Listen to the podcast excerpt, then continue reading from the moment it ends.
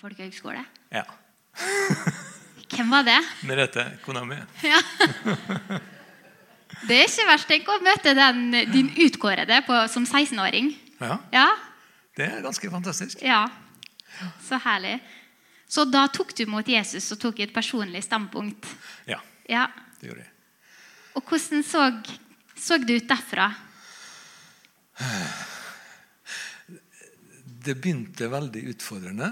fordi at eh, jeg hadde jo på en måte etablert meg på folkehøgskolen som litt sånn eh, bajas og, og litt sånn type. Så jeg møtte liksom den holdninga iblant eh, i hvert fall en del av lærerkollegiet at eh, dette er noe han gjør bare for å få goodwill. Jeg ble møtt med veldig mistro. Så jeg bestemte meg ganske fort for det at eh, hvis det er sånn kristne er, så kan det være det uten meg. Men Så det ble egentlig ikke feira at du hadde tatt et standpunkt? Forstår jeg det rett? da?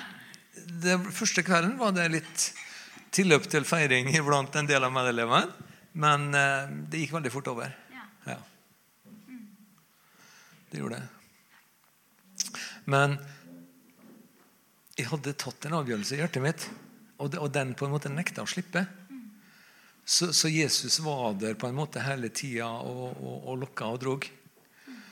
Men jeg var ganske tung da å dra, kan du si. Du følte det tung å dra? Ja, sant. Ja, for du har, vi, kjenner jo, vi kjenner jo hverandre godt fra før, da, og du fortalte meg um, at du annet Selv om du følte Gud, så, så hadde du en ganske dyp depresjon. Eller du var over lengre tid, i hvert fall, så Ja. var du på en depresjon. Ja. Ifra, faktisk ifra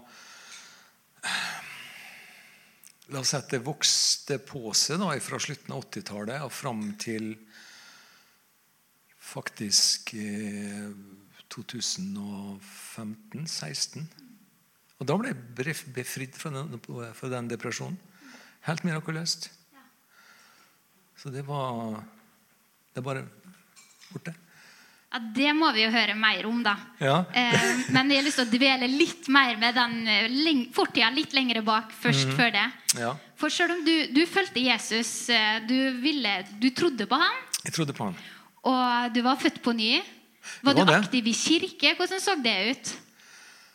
I en periode så var jeg veldig lite aktiv. Eller første året i hvert fall. Fram til jeg var ferdig i militæret. Da var jeg 20 år. Vi kom til 85. Nei, 86. Sommeren 86. Da, vi, da var vi på et uh, ungdomsmøte på ei hytte med vår kjære Ruth Bovitz Eigarden. Hun er vandrerjente her nå. Og der tok jeg på en måte et standpunkt om å komme tilbake og bli aktiv. Og ble også åndsdøpt i det møtet. Så da, var vi, da gikk vi inn eh, i Molde misjonsmenighet, som senere ble Tronsfellesskap. Og var en periode veldig aktiv, men pga. ting som skjedde, så dabba det mer og mer av det også. Og så har du sagt at du følte at du levde et dobbeltliv. Ja. Hva legger du i det? Jeg var eh, på møte hver søndag, men jeg var veldig på en måte engstelig for at folk i menigheten, spesielt pastor, så klart, skulle se at, eh, at jeg egentlig ikke levde sånn som jeg sa at jeg gjorde. Og, og samtidig, når jeg var på arbeidsplassen eller i venneflokken, så var jeg også veldig engstelig for at noen skulle skjønne at jeg var kristen. Så det, det ble en veldig sånn dobbelthet. Ja. Og det var eh, trasig. Ja, det er tungt å leve. Ja, tungt å leve, for jeg var liksom aldri helt meg sjøl. Jeg var aldri den jeg egentlig var. Så det var også en utfordrende situasjon, kan du si. Ja. Og så leder vi da opp mot Vi må jo nærme oss et vendepunkt her. Ja, Og da har jeg bare lyst til å ta Du har skrevet ei bok ja visst. Som heter 'Etter omvendelsen'. Og da er det ikke den omvendelsen tilbake da du først tok imot Jesus, som du peker på. Nei. Nei, det var ikke det. Det var mange år senere. For nå har du mala et liv av at du, har, du kjente Jesus, og du, du var en kristen og ville Ja. følge han, men du Ja. sto i et spenn mellom å ikke våge å være helt med med Jesus, og heller ikke ville være helt i verden.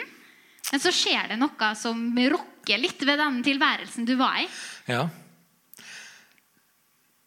Det, det skjedde virkelig noe. Jeg, fikk, jeg trenger ikke si så mye om det som ledde fram til det, men jeg, jeg var til stede når en god venn av meg tok imot Jesus og ble frelst.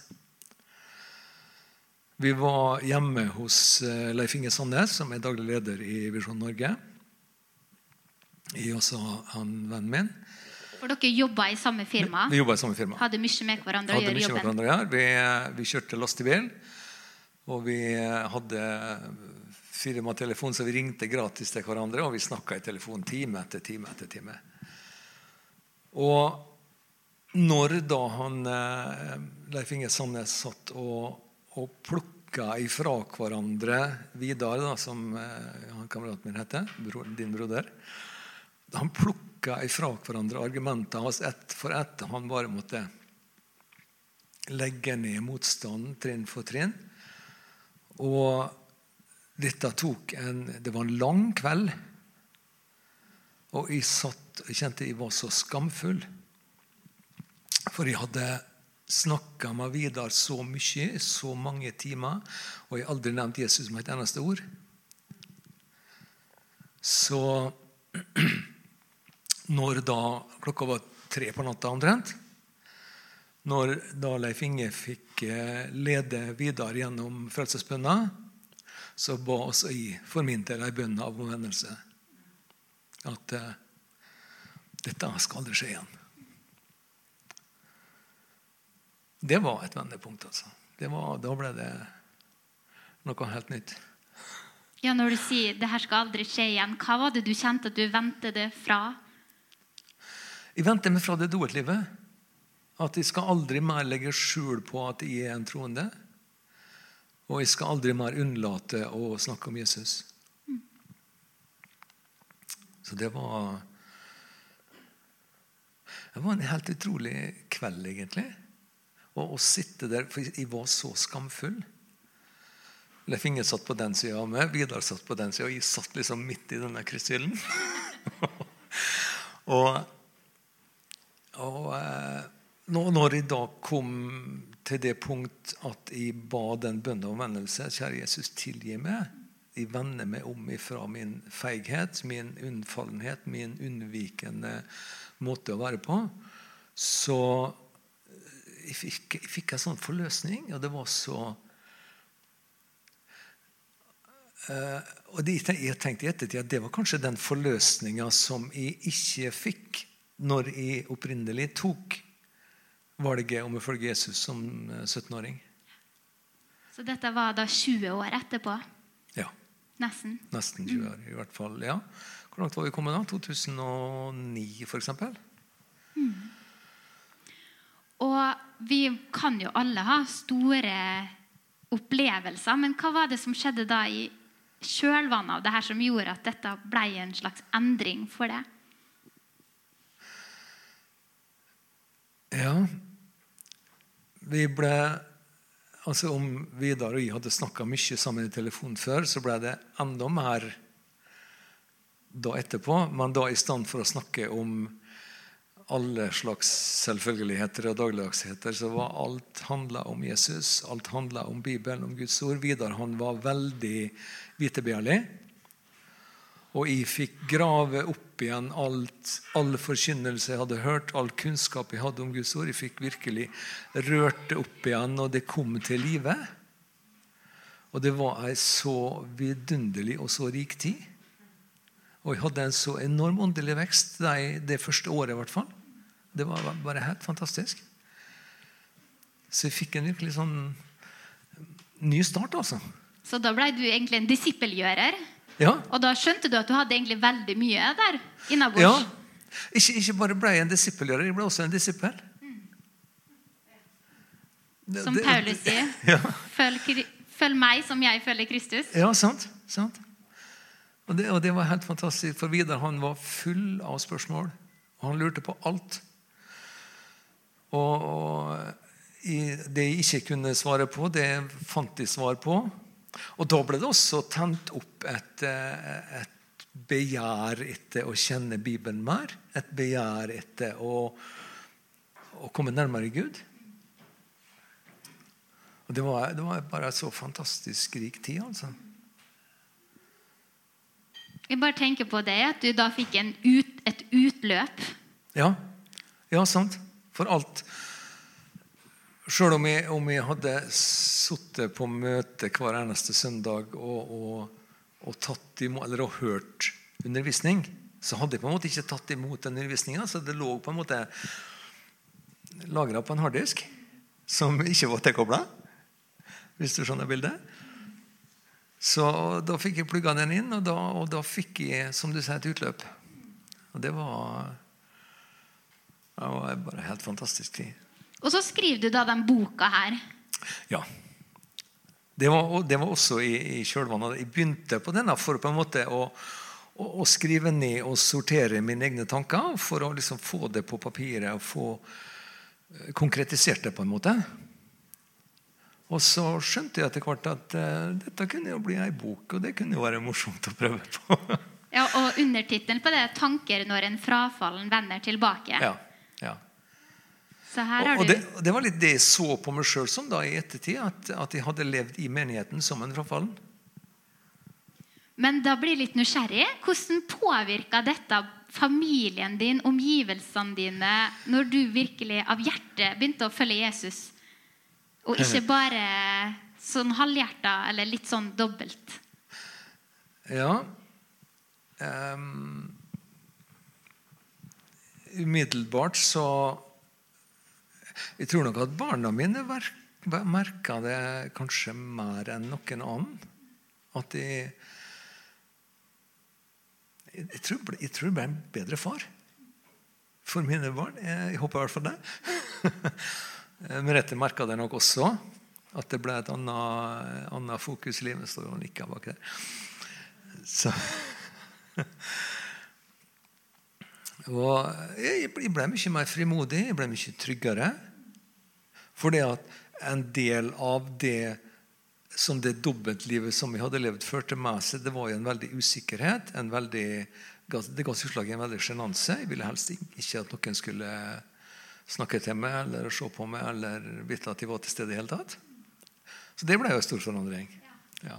For du hadde jo egentlig kjent på et kall, hadde du ikke det? Også i disse årene her, av et ønske om å ja, forkynne? Ja da. Helt fra jeg var liten gutt.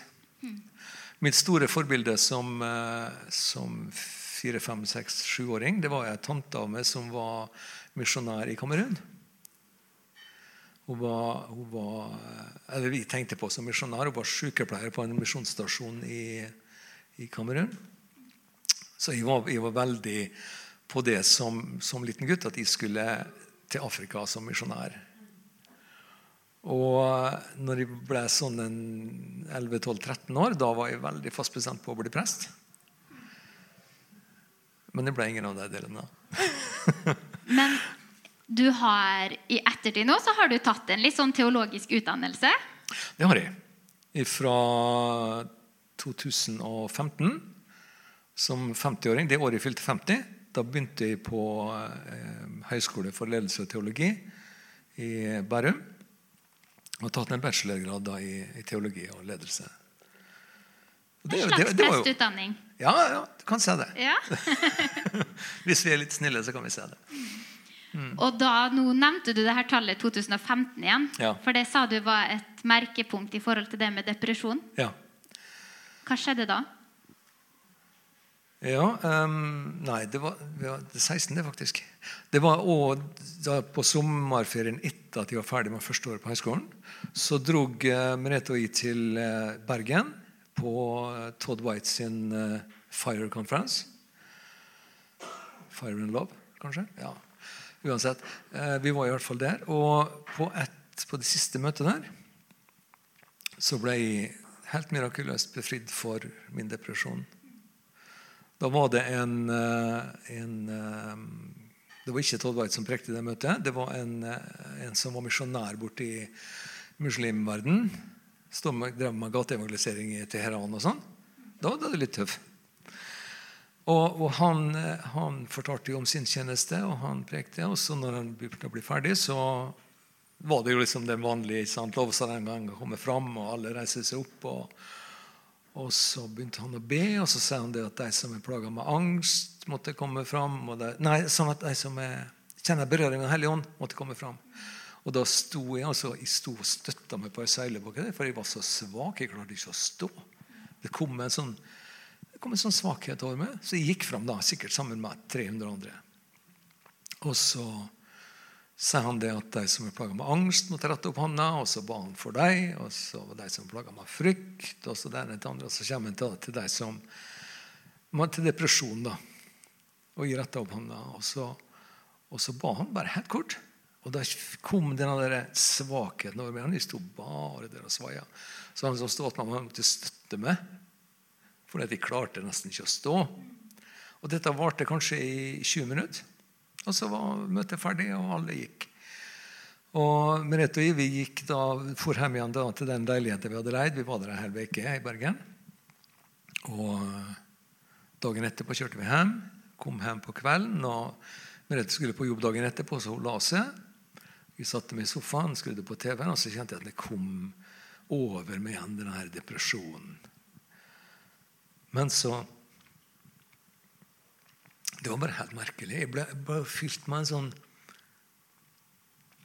skal vi si, seiersvisshet og en sånn glede. Og depresjonen var bare borte. Og ikke kjent på det en dag etterpå. Og det er nå da åtte-åtte år siden. Så det, det kan du snakke om en mirakuløs helbredelse. Altså.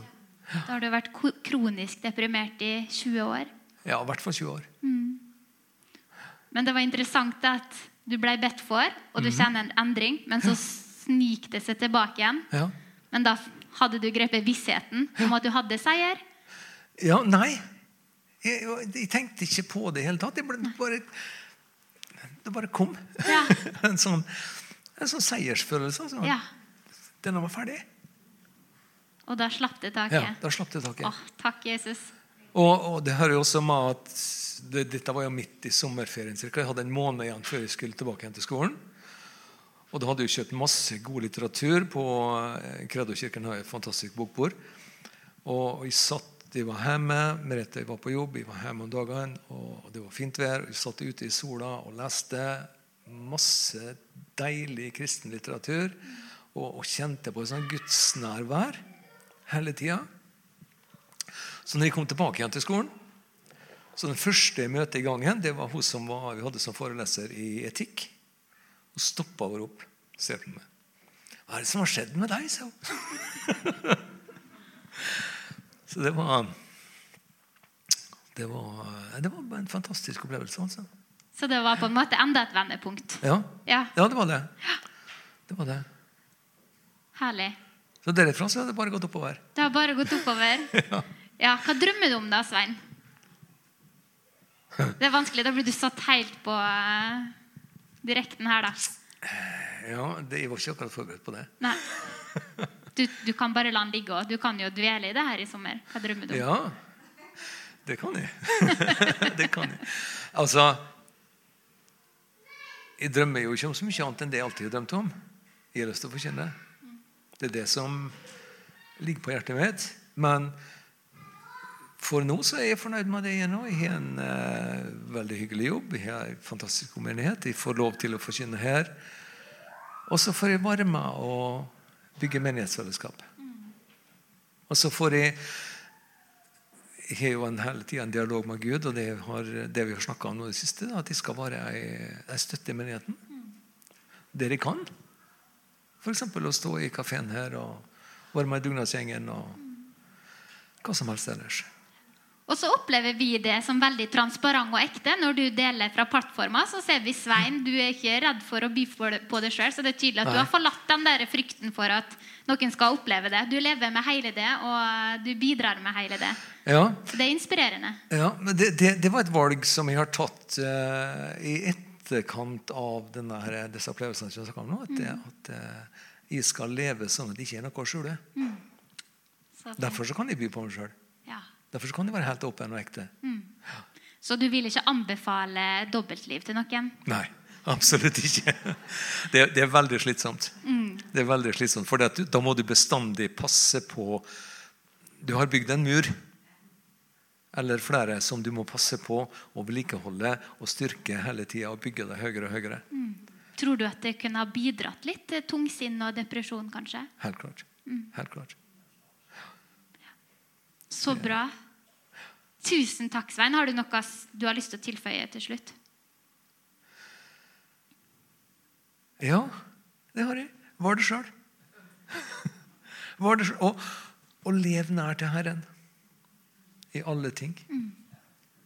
Det er det det, det handler om. Ja. Amen. Jeg, jeg tok med, jeg hadde ei bunke av bøkene her nemlig liggende. Så den er fra 2011. Um, så jeg tenkte at den kunne jeg bare legge bak her. Så hvis dere har lyst til å Det blir litt førstemann til mølla, da. Men å lese litt Svein sine tanker der han var da. Rett etter omvendelsen og komme tilbake igjen til Jesus og Ja. reflektere litt over livet fram til da. Ja, sant. Tolv år siden. Tolv år siden. Ja. Og, og bare for å ha sagt det, de, Disse bøkene her er de siste gjenværende av det opplaget på 150. Alle andre er gitt vekk. Ganske eksklusivt. Så bra. Gud velsigne det, Svein. Tusen takk for at du delte med oss. Og så tenkte jeg at vi bare kan avslutte nå med at vi sammen lovsynger Gud. Og da tenkte jeg den der sangen 'Jeg vil gi deg alt'. Vi gir han med hele oss sanne så verdig i våre liv. Og han har så gode tanker for oss. Det er så godt for oss å få gi oss til han med hele oss. Ja, han tar alt. Mm.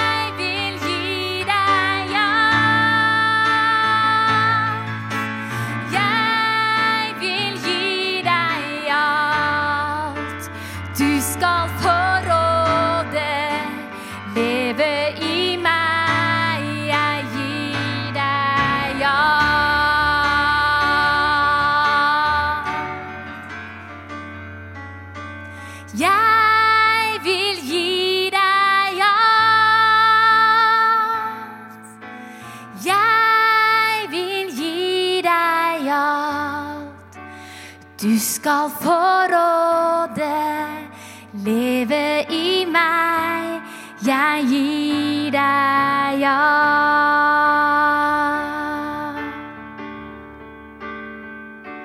Mitt alt.